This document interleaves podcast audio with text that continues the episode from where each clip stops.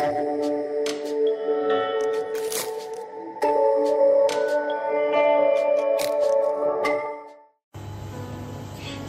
Rock Beloved, apa kabar Anda? Saya berharap Anda semua dalam kondisi yang prima, sehat, berkecukupan tubuh jiwa roh Anda. Hari ini saya akan berbicara dengan saya beri judul gercep. Bahasa gaul ya saudara ya, diambil dari bahasa gaul yang berarti gerak cepat. Ada banyak bahasa gaul dan saya harus belajar beberapa di antaranya. Saya pernah melihat tulisan C M I I W, apa ya ini Cimwi ya? Ternyata correct me if I'm wrong. Dan ada banyak istilah-istilah lainnya. Salah satu yang orang pakai adalah gercep atau gerak cepat. Saya akan ambil istilah itu untuk apa yang akan kita bahas pagi hari ini. Uh, saudara, saya ajak Anda melihat ke kitab Amsal 6 ayat ke-6 sampai ke-8. Firman Tuhan berkata, Hai pemalas, pergilah kepada semut, perhatikanlah lakunya, dan jadilah bijak. Biarpun tidak ada pemimpinnya, pengaturnya, atau penguasanya, ia menyediakan rotinya di musim panas dan mengumpulkan makanannya pada waktu panen. Saudara, saya ingin soroti beberapa kata di sini yang pertama dikatakan pergilah kepada semut, perhatikanlah lakunya dan jadilah bijak. Ada kata bijak di sana. Bijak dan dikatakan sekalipun tidak ada yang mengatur, dia semut tersebut dapat menyediakan rotinya di musim panas, mengumpulkan makanannya pada waktu panen. Bijak juga terhadap musim dan waktu. Musim dan waktu, saudara ya. Di Mazmur 90 ayat ke-12 juga dikatakan ajarlah kami untuk menghitung hari-hari kami sedemikian sehingga kami beroleh hati yang bijaksana. Dalam Amplified dikatakan that we may cultivate and bring to you a heart of wisdom. Hati yang bijak. Hati yang bijak terhadap waktu-waktu yang sudah Tuhan percayakan, Tuhan berikan kesempatan itu terhadap kita. Saudara, berbicara tentang semut. Satu hal yang bisa kita perhatikan dengan jelas dari semut adalah kerajinannya. Semut adalah satu ciptaan yang rajin. Tidak pernah kita akan temukan semut bermalas-malasan. Saudara, ketika Anda dan saya rajin di dalam kehidupan spiritual kita, membangun pengenalan kita akan Tuhan dan hubungan kita dengan Tuhan, maka tentu kehidupan spiritual kita akan sangat sehat dan baik. Demikian juga jika kita rajin secara fisik, di mana kita memperhatikan dengan baik apa yang kita makan, bagaimana kita harus berolahraga dan menjaga kebugaran tubuh kita, maka kita pasti akan diberkati dengan fisik yang sehat dan terasa lebih baik. Nah, jika kita juga rajin di dalam usaha-usaha dan pekerjaan kita, ada janji Tuhan di dalamnya juga. Anda dan saya akan diberkati secara finansial. Nah, saudara, uh, ketika kita berbicara tadi dengan judul gercep gerak cepat, saya tidak ingin kita salah pengertian. Gerak cepat yang dilandasi dengan kekhawatiran, kekhawatiran akan kalah. Karena memang di masa-masa saat ini, segala sesuatu kelihatan bergerak dengan jauh lebih cepat produk-produk berganti dengan sangat cepat, inovasi sangat banyak di dalam segala sesuatu ya saudara. Cara-cara promosi yang terus berubah saudara ya, dan perkembangan teknologi yang luar biasa. Kadang-kadang kita merasa bisa merasa sangat khawatir dan kita merasa harus gerak cepat, gerak cepat terus. Bukan sekedar itu yang akan kita bahas. Tetapi gerak cepat yang akan kita dibahas di sini adalah gerak cepat yang dilandasi oleh iman kita akan apa kata Tuhan. Karena saya yakin kita sebagai umat Tuhan, kita harus terus mengupgrade diri kita, mengupgrade pengetahuan kita menjadi lebih baik di dalamnya. Saudara sebagai anak-anak Tuhan, Tuhan mengaruniakan kepada kita hal yang luar biasa, yaitu pengetahuan hikmat, saudara ya. Di mana apa yang kita ketahui, saudara, kita dapat pahami dengan understanding yang Tuhan beri. Dan kemudian Tuhan akan memberikan hikmat kepada kita bagaimana akan mengeksekusi pengertian-pengertian yang sudah kita dapat. Bagaimana kita bisa menerapkannya, mempraktekkannya di dalam kehidupan kita. Gerak cepat yang akan kita bahas di sini berlandaskan iman kita bahwa Tuhan Immanuel, God with us itu ada di dalam kita. Bukan berdasarkan kekhawatiran akan persaingan sehingga kita melakukannya dalam kepanikan. Saudara, mari kita lihat lebih dalam di dalam firman Tuhan supaya kita paham kebenarannya. Di Matius pasal ke-25 ayat ke-16 Saudara, di dalam Matius 25 sendiri ada satu cerita di mana ada seorang tuan mempercayakan hartanya kepada tiga orang hambanya. Yang satu mendapatkan lima talenta, yang seorang lagi dua talenta, dan yang lain satu talenta. Dan mari kita baca firman Tuhan. Matius 25 ayat ke-16. Segera pergilah hamba yang menerima lima talenta itu. Ia menjalankan uang itu, lalu beroleh laba lima talenta. Saya akan soroti kata-kata segera di sini. Di dalam terjemahan bahasa lain dikatakan when at once, dia segera, sekarang juga dia segera pergi. Right off, yaitu segera juga artinya. Jadi di sini memang ada penekanan kata segera. Segera pergilah hamba yang menerima lima talenta itu, ia menjalankan uang itu, lalu beroleh laba lima talenta. Saudara, sedangkan di ayat ke-25 dan ke-26 kita menemui suatu kondisi yang jauh berbeda ketika hamba yang menerima satu talenta itu dipanggil Hamba itu berkata, karena itu aku takut dan pergi menyembunyikan talenta Tuhan itu di dalam tanah. Ini terimalah kepunyaan Tuhan. Hamba yang menerima satu talenta ketika dipanggil dia berkata Tuhan itu manusia yang kejam, Tuhan itu begini, Tuhan itu begitu. Dia berkata karena itu aku takut. Takut. Dan pergi menyembunyikan talenta Tuhan di dalam tanah. Ini terimalah kepunyaan Tuhan. Maka jawab tuannya itu, hai kamu hamba yang jahat dan malas. Jadi kamu sudah tahu bahwa aku menuai di tempat di mana aku tidak menabur dan memungut di tempat di mana aku tidak menanam. Saudara, di sini kita melihat satu sudut pandang yang agak berbeda antara hamba dan tuannya di dalam satu kejadian yang sama. Hamba itu berkata alasan aku tidak menjalankan uang ini dengan segera dan tidak menghasilkan apa-apa, aku tidak memakai talenta ini, adalah aku takut. Tetapi Tuhan itu berkata, kamu malas, jahat dan malas. Saudara, di dalam kehidupan, saya mencoba belajar dan memahami mengapa terkadang kita bisa sangat pasif dan tidak melakukan apa-apa atau kita tidak bergerak dengan cepat dan sangat lambat di dalam mengeksekusi sesuatu.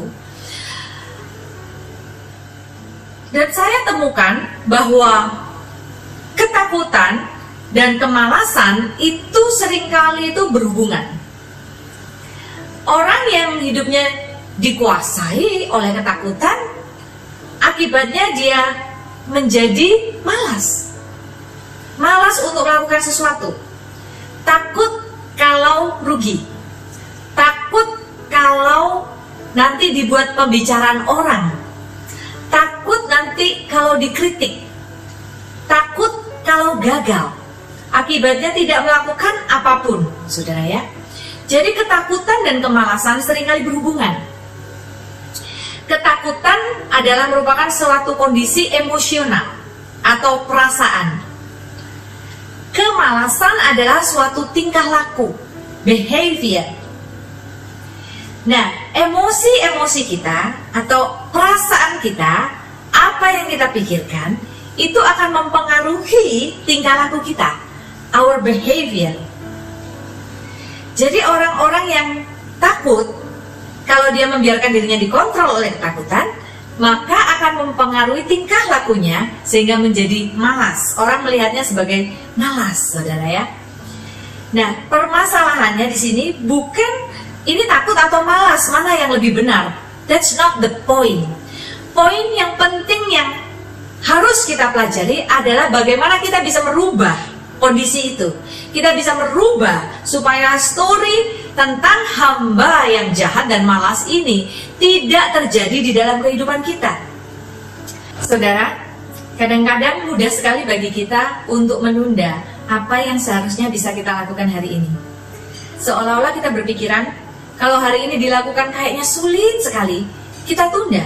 Seolah-olah besok pekerjaan tersebut akan menjadi lebih mudah atau minggu depan hal tersebut akan menjadi lebih mudah. Padahal kenyataannya tidaklah demikian. Apa yang sering kali kita rasa sangat sulit untuk dilakukan dan ketika kita tetap bertekun untuk melakukannya, saat itu, saudara, kita akan melihat satu hasil bahwa ternyata usaha kita tidak sia-sia dan ternyata hal tersebut tidak sesulit yang kita bayangkan terutama jika kita yakin bahwa ada penyertaan Tuhan di dalam kehidupan kita ada satu kebenaran yang tidak akan pernah berubah yaitu bahwa kita sebetulnya akan selalu menemukan waktu untuk melakukan apa yang benar-benar kita sukakan. Kita akan selalu menemukan waktu untuk melakukan hal-hal yang benar-benar ingin kita lakukan kan? So kalau kita berkata saya nggak punya waktu, mungkin saatnya untuk kita perlu kaji kembali apa sebenarnya harapan dan impian kita tentang hal tersebut apakah hal tersebut benar-benar merupakan prioritas atau hal penting di dalam kehidupan kita. Di saat-saat seperti ini, pandemi, banyak orang mengalami kesukaran dan mungkin Anda yang sedang mendengarkan ada beberapa dari antara Anda yang juga mengalami saat yang sukar. Ini sungguh adalah saat yang tepat untuk kita datang kepada Tuhan. Kita memohon hikmat daripada Tuhan karena Tuhan berjanji bahwa Tuhan akan memberikan dan berlimpah hikmatnya kepada kita yang meminta kepadanya. Dan saudara pegang setiap janji, impian yang Tuhan taruh di dalam kehidupan kita. Dan ambil langkah-langkah, gerak cepat itu saudara. Jangan sampai kita ditemukan sebagai hamba-hamba yang jahat dan malas. Jangan lagi kita mempunyai terlalu banyak alasan di dalam kehidupan kita. Karena seperti tadi dikatakan, kita akan selalu menemukan waktu untuk melakukan hal-hal yang benar-benar kita ingin lakukan. Jadi seberapa penting sebetulnya hal-hal yang ingin kita capai itu bagi kita. Seperti itulah kita akan menyediakan waktu bagi hal-hal tersebut. Nah, saudara, di dalam menjalaninya, saudara, saudara kita perlu ingat firman Tuhan bahwa iman tanpa perbuatan adalah mati. Ketika kita percaya janji Tuhan, kita percaya bahwa Tuhan menyertai kita, maka adalah porsi dan bagian kita untuk mengambil langkah awal tersebut, saudara. Manusia itu akan selalu menemukan waktu untuk melakukan hal-hal yang benar-benar ingin dia lakukan. Jadi kalau kita punya impian, kita punya harapan, tetapi kemudian kita tidak melakukan apa-apa, sebaiknya kita recheck kembali seberapa penting sebetulnya hal tujuan, impian, visi tersebut bagi kita. Salah satu hal yang menarik yang bisa kita pelajari dari semut adalah semut adalah ciptaan yang self motivated. Jadi dia bisa memotivasi dirinya sendiri. Alkitab katakan sekalipun tidak ada pemimpin, pengatur, dia tidak punya leader, dia tetap akan melakukan apa yang harus dia lakukan.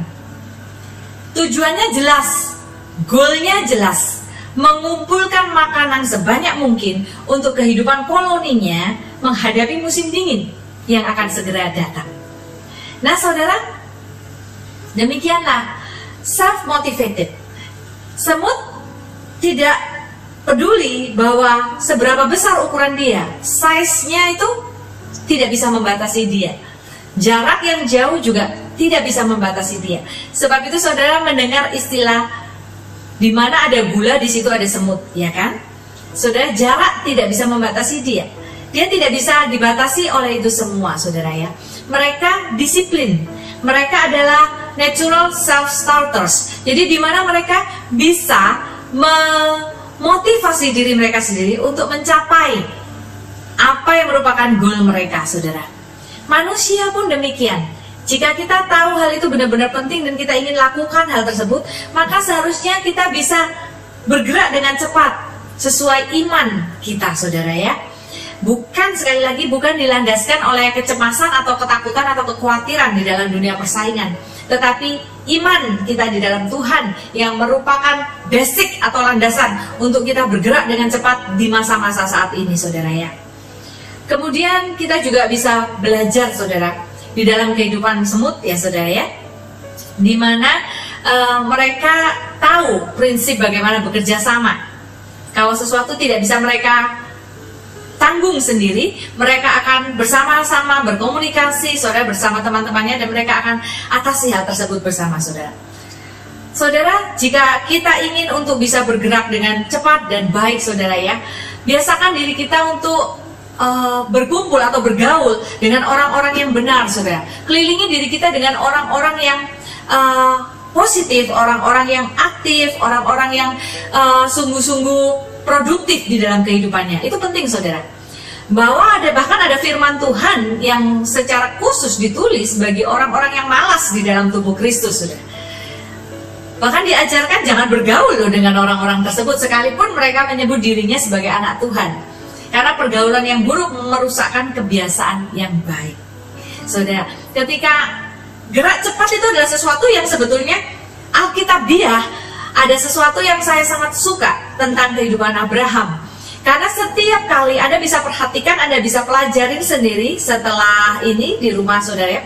Setiap kali Allah memberi Abraham satu perintah, baik perintah itu masuk akal atau tidak masuk akal, baik perintah itu enak atau tidak enak, Alkitab selalu mencatat Abraham bersegera mungkin untuk melakukannya. Saudara, saya ketika membaca tentang karakter Abraham tersebut, saya sungguh-sungguh merasa perlu berbenah di dalam kehidupan saya untuk tidak menjadi orang yang menunda-nunda. Sekalipun sejak kecil saya selalu diajar oleh orang tua saya untuk tidak menunda-nunda sesuatu, saudara ya. So, kelilingi diri Anda dengan orang-orang yang baik, orang-orang yang positif, orang-orang yang produktif, orang-orang yang punya impian-impian yang baik di dalam kehidupannya dan berjuang untuk uh, mewujudkannya bersama dengan Tuhan. Orang-orang yang beriman tentunya, saudara ya, yang akan menguatkan kehidupan Anda.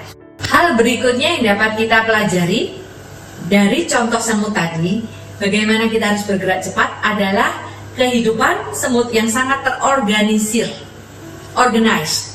Jadi, di mana mereka tahu betul bahwa ada saat mereka harus menyimpan untuk masa-masa winter atau musim dingin yang akan datang.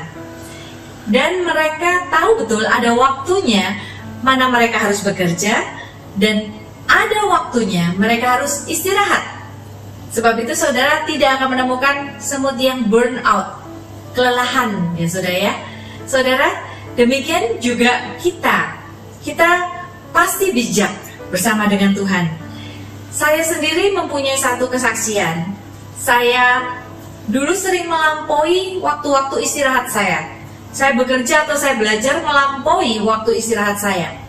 Dan saudara, itu tidak baik sama sekali buat kesehatan saya. Nah, ini saya juga memberikan contoh ini supaya kalau ada di antara Anda yang saat ini belum bijaksana di dalam menggunakan waktu istirahat Anda, kita bisa berbenah sejak sekarang. Saudara, ketika saya uh, melanggar aturan tersebut, mungkin tidak kerasa ya, tetapi setelah beberapa tahun terus menerus saudara ya, tubuh kita ada batasnya, saudara. Dan ketika saya menyadarinya, maka saya mulai berbenah kembali dan mendapatkan kembali energi, kesehatan, dan kekuatan yang sebetulnya Tuhan taruh dan Tuhan desain untuk saya. So, penting sekali hidup kita terencana dengan baik, terancang dengan baik. Memang di atas segala sesuatunya Tuhan yang menentukan, tetapi bagaimana kita mengatur waktu-waktu kita dengan baik, bagaimana kita menyimpan dengan baik, bagaimana kita membagi dengan baik, bagaimana kapan kita bekerja, dan bagaimana kita istirahat. Istirahat sangat penting bagi tubuh, jiwa, dan roh kita. Kembali ke Matius pasal 25 tadi, di mana hamba yang menerima satu talenta tersebut, dia mempunyai banyak sekali alasan kenapa dia tidak menjalankan talenta itu. Dia berkata karena ini dan karena itu. Demikian juga kita. Banyak dari kita tidak akan pernah maju, tidak akan pernah mencapai apa-apa, bukan karena Tuhan tidak menolong kita, tetapi karena kita terus memakai alasan-alasan saya tidak dapat melakukannya karena saya terlalu sibuk dengan pekerjaan saya ini. Saya tidak punya orang yang mendukung saya. Saya tidak ada orang yang membantu saya mengerjakannya terlalu sukar bagi saya dan sebagainya. Saudara, ada satu statement yang sangat baik dikatakan. Saya menemukan hasil saya ketika saya sudah kehilangan semua alasan-alasan saya. Biarlah kiranya firman ini menjadi kekuatan bagi kita semua. Sehingga kita menjadi orang-orang yang bijaksana dalam menggunakan waktu-waktu yang Tuhan percayakan kepada kita. Menjadi hamba-hamba yang rajin dan bertanggung jawab di hadapan Tuhan. Tuhan Yesus memberkati.